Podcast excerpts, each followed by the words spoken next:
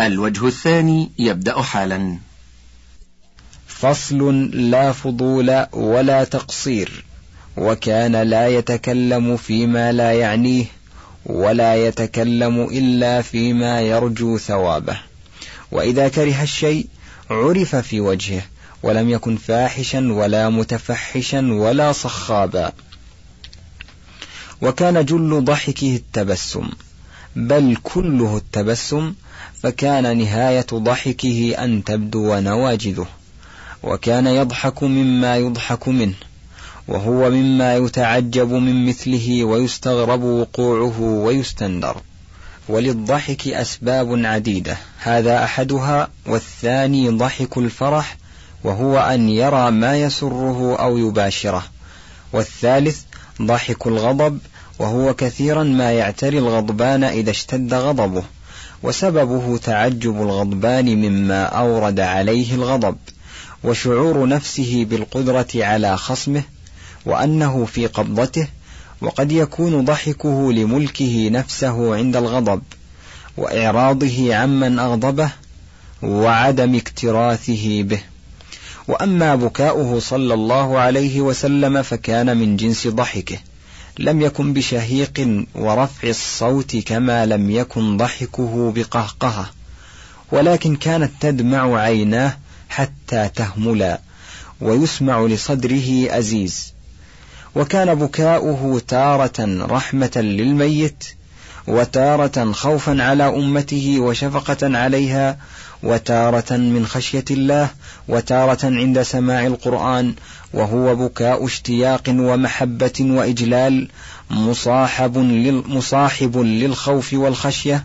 ولما مات ابنه إبراهيم دمعت عيناه وبكى رحمة له وقال تدمع العين ويحزن القلب ولا نقول إلا ما يرضي ربنا وإنا بك يا إبراهيم لمحزونون. وبكى لما شاهد إحدى بناته ونفسها تفيض. وبكى لما قرأ عليه ابن مسعود سورة النساء. وانتهى فيها إلى قوله تعالى فكيف إذا جئنا من كل أمة بشهيد وجئنا بك على هؤلاء شهيدا. وبكى لما مات عثمان بن مضعون. وبكى لما كسفت الشمس. وصلى صلاة الكسوف وجعل يبكي في صلاته وجعل ينفخ ويقول رب ألم تعدني ألا تعذبهم وأنا فيهم وهم يستغفرون ونحن نستغفرك. وبكى لما جلس على قبر إحدى بناته وكان يبكي أحيانا في صلاة الليل. والبكاء أنواع. أحدها بكاء الرحمة والرقة والثاني بكاء الخوف والخشية والثالث بكاء المحبة والشوق والرابع بكاء الفرح والسرور والخامس بكاء الجزع من ورود المؤلم وعدم احتماله والسادس بكاء الحزن. والفرق بينه وبين, وبين بكاء الخوف أن بكاء الحزن يكون على ما مضى من حصول مكروه أو أو فوات محبوب أو وبكاء الخوف يكون لما يتوقع في المستقبل من ذلك. والفرق بين بكاء السرور والفرح وبكاء الحزن أن دمعة السرور باردة والقلب فرحان ودمعة الحزن حارة والقلب حزين. ولهذا يقال لما يفرح به هو قرة عين وأقر الله به عينه ولما يحزن هو سخينة العين وأسخن, الله عينه به. والسابع بكاء الخور والضعف. والثامن بكاء النفاق وهو أن تدمع العين والقلب قاس فيظهر صاحبه الخشوع وهو من أقسى الناس قلبا. والتاسع البكاء المستعار والمستأجر عليه كبكاء النائحة بالأجرة فإنها كما قال عمر بن الخطاب تبيع عبرتها وتبكي شجو غيرها والعاشر بكاء الموافقة وهو أن يرى الرجل الناس يبكون لأمر ورد عليهم فيبكي معهم ولا يدري لأي شيء يبكون ولكن يراهم يبكون فيبكي. وما كان من ذلك دمعا بلا صوت فهو بكاء مقصور. وما كان معه صوت فهو بكاء ممدود على بناء الأصوات. وقال الشاعر بكت عيني وحق لها بكاها وما يغني البكاء ولا العويل. وما كان منه مستدعا متكلفا فهو التباكي وهو نوعان محمود ومذموم. فالمحمود أن يستجلب لرقة القلب ولخشية الله لا للرياء والسمعة والمذموم أن يجتلب لأجل الخلق وقد قال عمر بن الخطاب للنبي صلى الله عليه وسلم وقد رآه يبكي هو وأبو بكر في شأن أسارى بدر. أخبرني ما يبكيك يا رسول الله. فإن وجدت بكاء بكيت وإن لم أجد تباكيت لبكائكما ولم ينكر عليه صلى الله عليه وسلم. وقد قال بعض السلف أبكوا من خشية الله. فإن لم تبكوا فتباكوا. فصل في هديه صلى الله عليه وسلم في خطبته. خطب صلى الله عليه وسلم على الأرض وعلى المنبر وعلى البعير وعلى الناقة. وكان إذا خطب احمرت عيناه وعلى صوته واشتد غضبه حتى كأنه منذر جيش يقول صبحكم ومساكم ويقول بعثت أنا والساعة كهاتين ويقرن بين أصبعيه السبابة والوسطى. ويقول أما بعد فإن خير الحديث كتاب الله وخير الهدي هدي محمد صلى الله عليه وسلم وشر الأمور محدثاتها وكل بدعة ضلالة. وكان لا يخطب خطبة إلا افتتحها بحمد الله. وأما قول كثير من الفقهاء إنه يفتتح خطبة الاستسقاء بالاستغفار وخطبة العيدين بالتكبير فليس معهم فيه سنة عن النبي صلى الله عليه وسلم البتة. وسنته تقتضي خلافه وهو افتتاح جميع الخطب بالحمد لله وهو أحد الوجوه الثلاثة لأصحاب أحمد وهو اختيار شيخنا قدس الله سره. وكان يخطب قائما وفي مراسيل عطاء وغيره أنه كان صلى الله عليه وسلم إذا صعد المنبر أقبل بوجهه على الناس ثم قال السلام عليكم. قال الشعبي وكان أبو بكر وعمر يفعلان ذلك وكان يختم خطبته بالاستغفار وكان كثيرا ما يخطب بالقرآن وفي صحيح مسلم عن أم هشام بنت حارثة قالت ما أخذت قاف والقرآن المجيد إلا عن لسان رسول الله صلى الله عليه وسلم يقرأها كل يوم جمعة على المنبر إذا خطب الناس وذكر أبو داود عن ابن مسعود أن رسول الله صلى الله عليه وسلم كان إذا تشهد قال الحمد لله نستعينه ونستغفره ونعوذ بالله من شرور أنفسنا من يهد الله فلا مضل له ومن يضلل فلا هادي له وأشهد أن لا إله إلا الله وأن محمدا عبده ورسوله. أرسله بالحق بشيرا ونذيرا بين يدي الساعة. من يطع الله ورسوله فقد رشد ومن يعصهما فإنه لا يضر إلا نفسه ولا يضر الله شيئا.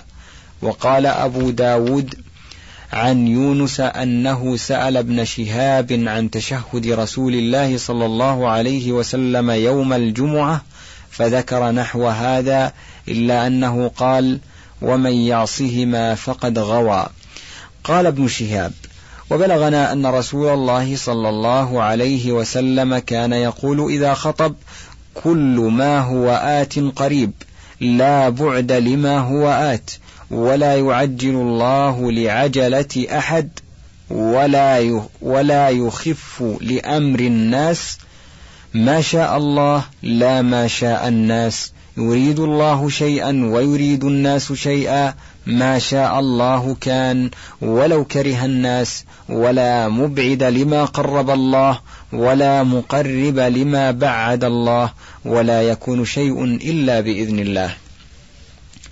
وكان مدار خطبه على حمد الله والثناء عليه بآلائه وأوصاف كماله ومحامده وتعليم قواعد الإسلام وذكر الجنة والنار والمعاد والأمر بتقوى الله وتبيين موارد غضبه ومواقع رضاه فعلى هذا كان مدار خطبه.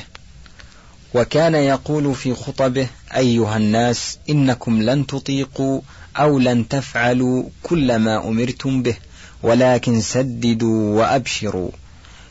وكان يخطب في كل وقت بما تقتضيه حاجة المخاطبين ومصلحتهم ولم يكن يخطب خطبة إلا افتتحها بحمد الله ويتشهد فيها بكلمتي الشهادة ويذكر فيها نفسه باسمه العلم. وثبت عنه أنه قال كل خطبة ليس فيها تشهد فهي كاليد الجذماء ولم يكن له شاويش يخرج بين يديه إذا خرج من حجرته ولم يكن يلبس لباس الخطباء اليوم لا طرحة ولا زيقا واسعا. وكان منبره ثلاث درجات فإذا استوى عليه واستقبل الناس أخذ المؤذن في الأذان فقط. ولم يقل شيئا قبله ولا بعده فإذا أخذ فإذا أخذ في الخطبة لم يرفع أحد صوته بشيء البتة لا مؤذن ولا غيره. وكان إذا قام يخطب أخذ عصا فتوكأ عليها وهو على المنبر كذا ذكره عنه أبو داود عن ابن شهاب وكان الخلفاء الثلاثة بعده يفعلون ذلك.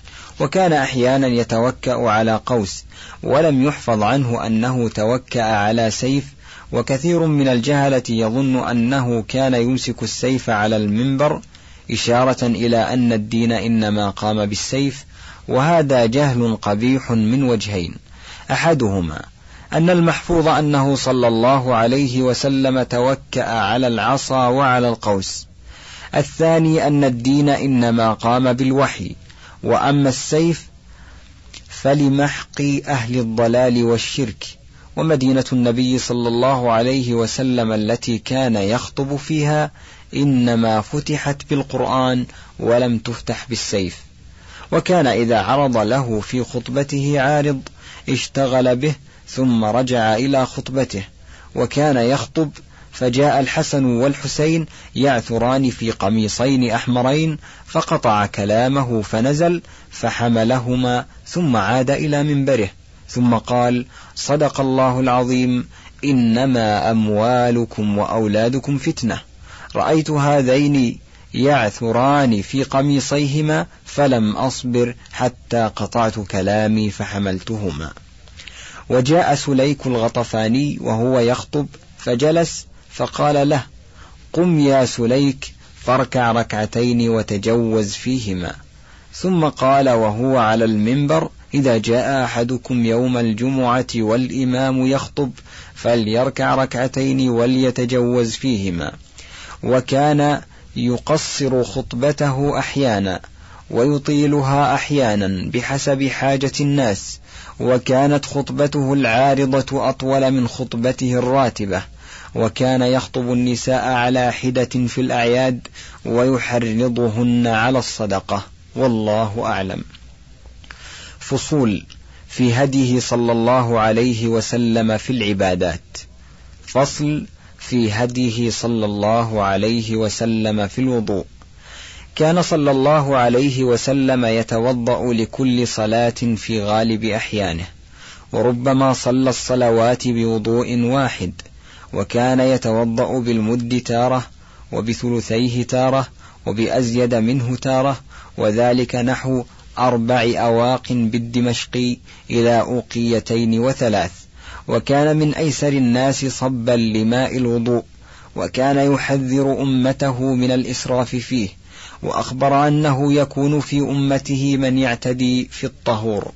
وقال إن للوضوء شيطانا يقال له الولهان فاتقوا وسواس الماء. ومر على سعد وهو يتوضأ فقال له لا تسرف في الماء. فقال وهل في الماء من إسراف؟ قال نعم وإن كنت على نهر جار. وصح عنه أنه توضأ مرة مرة ومرتين مرتين وثلاثا ثلاثا وفي بعض الأعضاء مرتين وبعضها ثلاثا. وكان يتمضمض ويستنشق تارة بغرفة وتارة بغرفتين وتارة بثلاث. وكان يصل بين المضمضة والاستنشاق. فيأخذ نصف الغرفة لفمه ونصفها لأنفه ولا يمكن في الغرفة إلا هذا. وأما الغرفتان والثلاث فيمكن فيهما الفصل والوصل إلا أن هديه صلى الله عليه وسلم كان الوصل بينهما كما في الصحيحين من حديث عبد الله بن زيد أن رسول الله صلى الله عليه وسلم تمضمض واستنشق من كف واحدة فعل ذلك ثلاثا وفي لفظ تمضمض واستنثر بثلاث غرفات. فهذا أصح ما روي في المضمضة والاستنشاق ولم يجئ الفصل بين المضمضة والاستنشاق في حديث صحيح البتة. لكن في حديث طلحة بن مصرف عن أبيه عن جده رأيت النبي صلى الله عليه وسلم يفصل بين المضمضة والاستنشاق ولكن لا يروى إلا عن طلحة عن أبيه عن جده ولا يعرف لجده صحبة. وكان يستنشق بيده اليمنى ويستنثر باليسرى وكان يمسح رأسه كله وتارة يقبل بيديه ويدبر. وعليه يحمل حديث من قال مسح برأسه مرتين والصحيح أنه لم يكرر مسح رأسه بل كان إذا كرر غسل الأعضاء أفرد مسح الرأس. هكذا جاء عنه صريحا ولم يصح عنه صلى الله عليه وسلم خلافه البتة.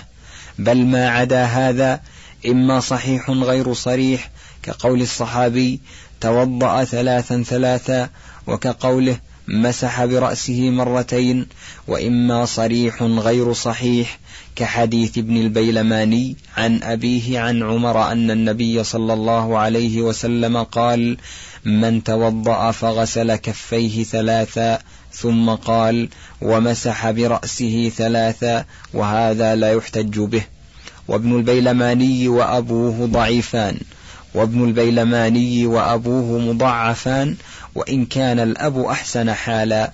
وكحديث عثمان الذي رواه أبو داود أنه صلى الله عليه وسلم مسح رأسه ثلاثا. وقال أبو داود أحاديث عثمان الصحاح كلها تدل على أن مسح الرأس مرة ولم يصح عنه في حديث واحد أنه اقتصر على مسح بعض رأسه البتة. ولكن كان إذا مسح بناصيته كمل على العمامة. فأما حديث أنس الذي رواه أبو داود رأيت رسول الله صلى الله عليه وسلم يتوضأ وعليه عمامة قطرية فأدخل يده من تحت العمامة فمسح مقدم رأسه ولم ينقض العمامة. فهذا مقصود أنس به أن النبي صلى الله عليه وسلم لم ينقض عمامته حتى يستوعب مسح الشعر كله ولم ينفي التكميل على العمامة وقد أثبته المغيرة بن شعبة وغيره. فسكوت أنس عنه لا يدل على نفيه ولم يتوضأ صلى الله عليه وسلم إلا تمضمض واستنشق ولم يحفظ عنه أنه أخل به مرة واحدة. وكذلك كان وضوءه مرتبا متواليا. لم يخل به مرة واحدة البتة وكان يمسح على رأسه تارة وعلى العمامة تارة وعلى الناصية والعمامة تارة. وأما اقتصاره على الناصية مجردة فلم يحفظ عنه كما تقدم. وكان يغسل رجليه إذا لم يكونا في خفين ولا جوربين. ويمسح عليهما إذا كانا في الخفين أو الجوربين. وكان يمسح أذنيه مع رأسه. وكان يمسح ظاهرهما وباطنهما ولم يثبت عنه أنه أخذ لهما ماء جديدا وإنما صح ذلك عن ابن عمر ولم يصح عنه في مسح العنق حديث البتة ولم يحفظ عنه أنه كان يقول على وضوئه شيئا غير التسمية وكل حديث في أذكار الوضوء الذي يقال عليه فكذب مختلق لم يقل رسول الله صلى الله عليه وسلم شيئا منه. ولا علمه لأمته ولا ثبت عنه غير التسمية في أوله ولا ثبت عنه غير التسمية في أوله. وقوله أشهد أن لا إله إلا الله وحده لا شريك له وأشهد أن محمدا عبده ورسوله. اللهم اجعلني من التوابين واجعلني من المتطهرين في آخره. وفي حديث آخر في سنن النسائي مما يقال بعد الوضوء أيضا. سبحانك اللهم وبحمدك أشهد أن لا إله إلا أنت أستغفرك وأتوب إليك. ولم يكن يقول في أوله نويت رفع الحدث ولا استباحة الصلاة لا هو ولا أحد من أصحابه البتة. ولم يروى عنه في ذلك حرف واحد لا بإسناد صحيح ولا ضعيف. ولم يتجاوز الثلاث قط وكذلك لم يثبت عنه أنه تجاوز المرفقين والكعبين. ولكن أبو هريرة كان يفعل ذلك ويتأول حديث إطالة الغرة. وأما حديث أبي هريرة في صفة وضوء النبي صلى الله عليه وسلم أنه غسل يديه حتى أشرع في العضدين ورجليه حتى أشرع في الساقين فهو إنما يدل على إدخال المرفقين والكعبين في الوضوء. ولا يدل على مسألة الإطالة. ولم يكن رسول الله صلى الله عليه وسلم يعتاد تنشيف أعضائه بعد الوضوء ولا صح عنه في ذلك حديث البتة بل الذي صح عنه خلافه. وأما حديث عائشة كان للنبي صلى الله عليه وسلم خرقة ينشف بها بعد الوضوء وحديث معاذ بن, معاذ بن جبل رأيت رسول الله صلى الله عليه وسلم إذا توضأ مسح على وجهه بطرف ثوبه فضعيفان لا يحتج بمثلهما. في الأول سليمان بن أرقم متروك وفي الثاني عبد الرحمن ابن زياد بن أنعم الأفريقي ضعيف. قال الترمذي ولا يصح عن النبي صلى الله عليه وسلم في هذا الباب شيء. ولم يكن من هديه صلى الله عليه وسلم أن يصب عليه الماء أن يصب عليه الماء كلما توضأ ولكن تارة يصب على نفسه وربما عاونه من يصب عليه أحيانا لحاجة كما في الصحيحين عن المغيرة بن شعبة أنه صب عليه في السفر لما توضأ. وكان يخلل لحيته أحيانا ولم يكن يواظب على ذلك. وقد اختلف أئمة الحديث فيه فصحح الترمذي وغيره أنه صلى الله عليه وسلم كان يخلل لحيته وقال أحمد وأبو زرعة لا يثبت في تخليل اللحية حديث وكذلك تخليل الأصابع لم يكن يحافظ عليه. وفي السنن عن المستورد بن شداد رأيت النبي صلى الله عليه وسلم إذا توضأ يدلك أصابع رجليه بخنصره.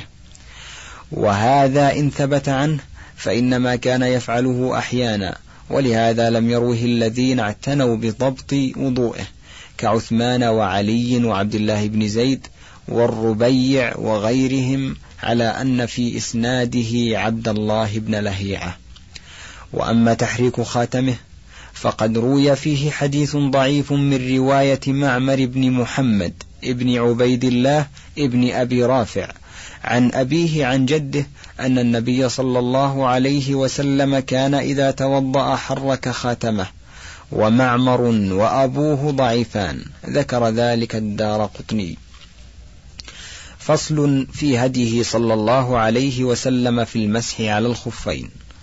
صح عنه أنه مسح في الحضر والسفر ولم ينسخ ذلك حتى توفي ووقت للمقيم يوما وليلة وللمسافر ثلاثة أيام ولياليهن في عدة أحاديث حسان وصحاح وكان يمسح ظاهر الخفين ولم يصح, ولم يصح عنه مسح أسفلهما إلا في حديث منقطع والأحاديث الصحيحة على خلافه ومسح على الجوربين والنعلين ومسح على العمامة مقتصرا عليها ومع الناصية وثبت عنه ذلك فعلا وأمرا في عدة أحاديث لكن في قضايا أعيان يحتمل أن تكون خاصة بحال الحاجة والضرورة ويحتمل العموم كالخفين وهو أظهر والله أعلم. ولم يكن يتكلف ضد حاله التي عليها قدماه بل إن كانتا في الخف مسح عليهما ولم ينزعهما وإن كانتا مكشوفتين غسل القدمين ولم يلبس الخف ليمسح عليه. وهذا أعدل الأقوال في مسألة الأفضل من المسح والغسل قاله شيخنا والله أعلم. فصل في هديه صلى الله عليه وسلم في التيمم. كان صلى الله عليه وسلم يتيمم بضربة واحدة للوجه والكفين. ولم يصح عنه أنه تيمم بضربتين ولا إلى المرفقين. قال الإمام أحمد من قال إن التيمم إلى المرفقين فإنما هو شيء زاده من عنده وكذلك كان يتيمم بالأرض التي يصلي عليها ترابا كانت أو سبخة أو رملا. وصح عنه أنه قال حيثما أدركت رجلا من أمة الصلاة فعنده مسجده وطهوره. وهذا نص صريح في أن من أدركته الصلاة في الرمل فالرمل له طهور. ولما سافر هو وأصحابه في غزوة تبوك قطعوا تلك الرمال في طريقهم وماؤهم في غاية القلة. ولم يروى عنه أنه حمل معه التراب ولا أمر به ولا فعله أحد من أصحابه. مع القطع بأن في المفاوز الرمال أكثر من التراب. وكذلك أرض الحجاز وغيره ومن تدبر هذا قطع بأنه كان يتيمم بالرمل والله أعلم. وهذا قول الجمهور. وأما ما ذكر في صفة التيمم من وضع بطون أصابع يده اليسرى على ظهور اليمنى ثم إمرارها إلى المرفق ثم إدارة بطن كفه على بطن الذراع وإقامة إبهامه اليسرى كالمؤذن إلى أن يصل إلى إبهامه اليمنى فيطبقها عليها فهذا مما يعلم قطعا أن النبي صلى الله عليه وسلم لم يفعله ولا علمه أحدا من أصحابه ولا أمر به ولا استحسنه وهذا هديه وإلي وهذا هديه إليه التحاكم وكذلك لم يصح عنه التيمم لكل صلاة ولا أمر به بل أطلق التيمم وجعله قائما مقام الوضوء وهذا يقتضي أن يكون حكمه حكمة إلا فيما اقتضى الدليل خلافه. انتهى الشريط الخامس من كتاب زاد المعاد وله بقية على الشريط السادس.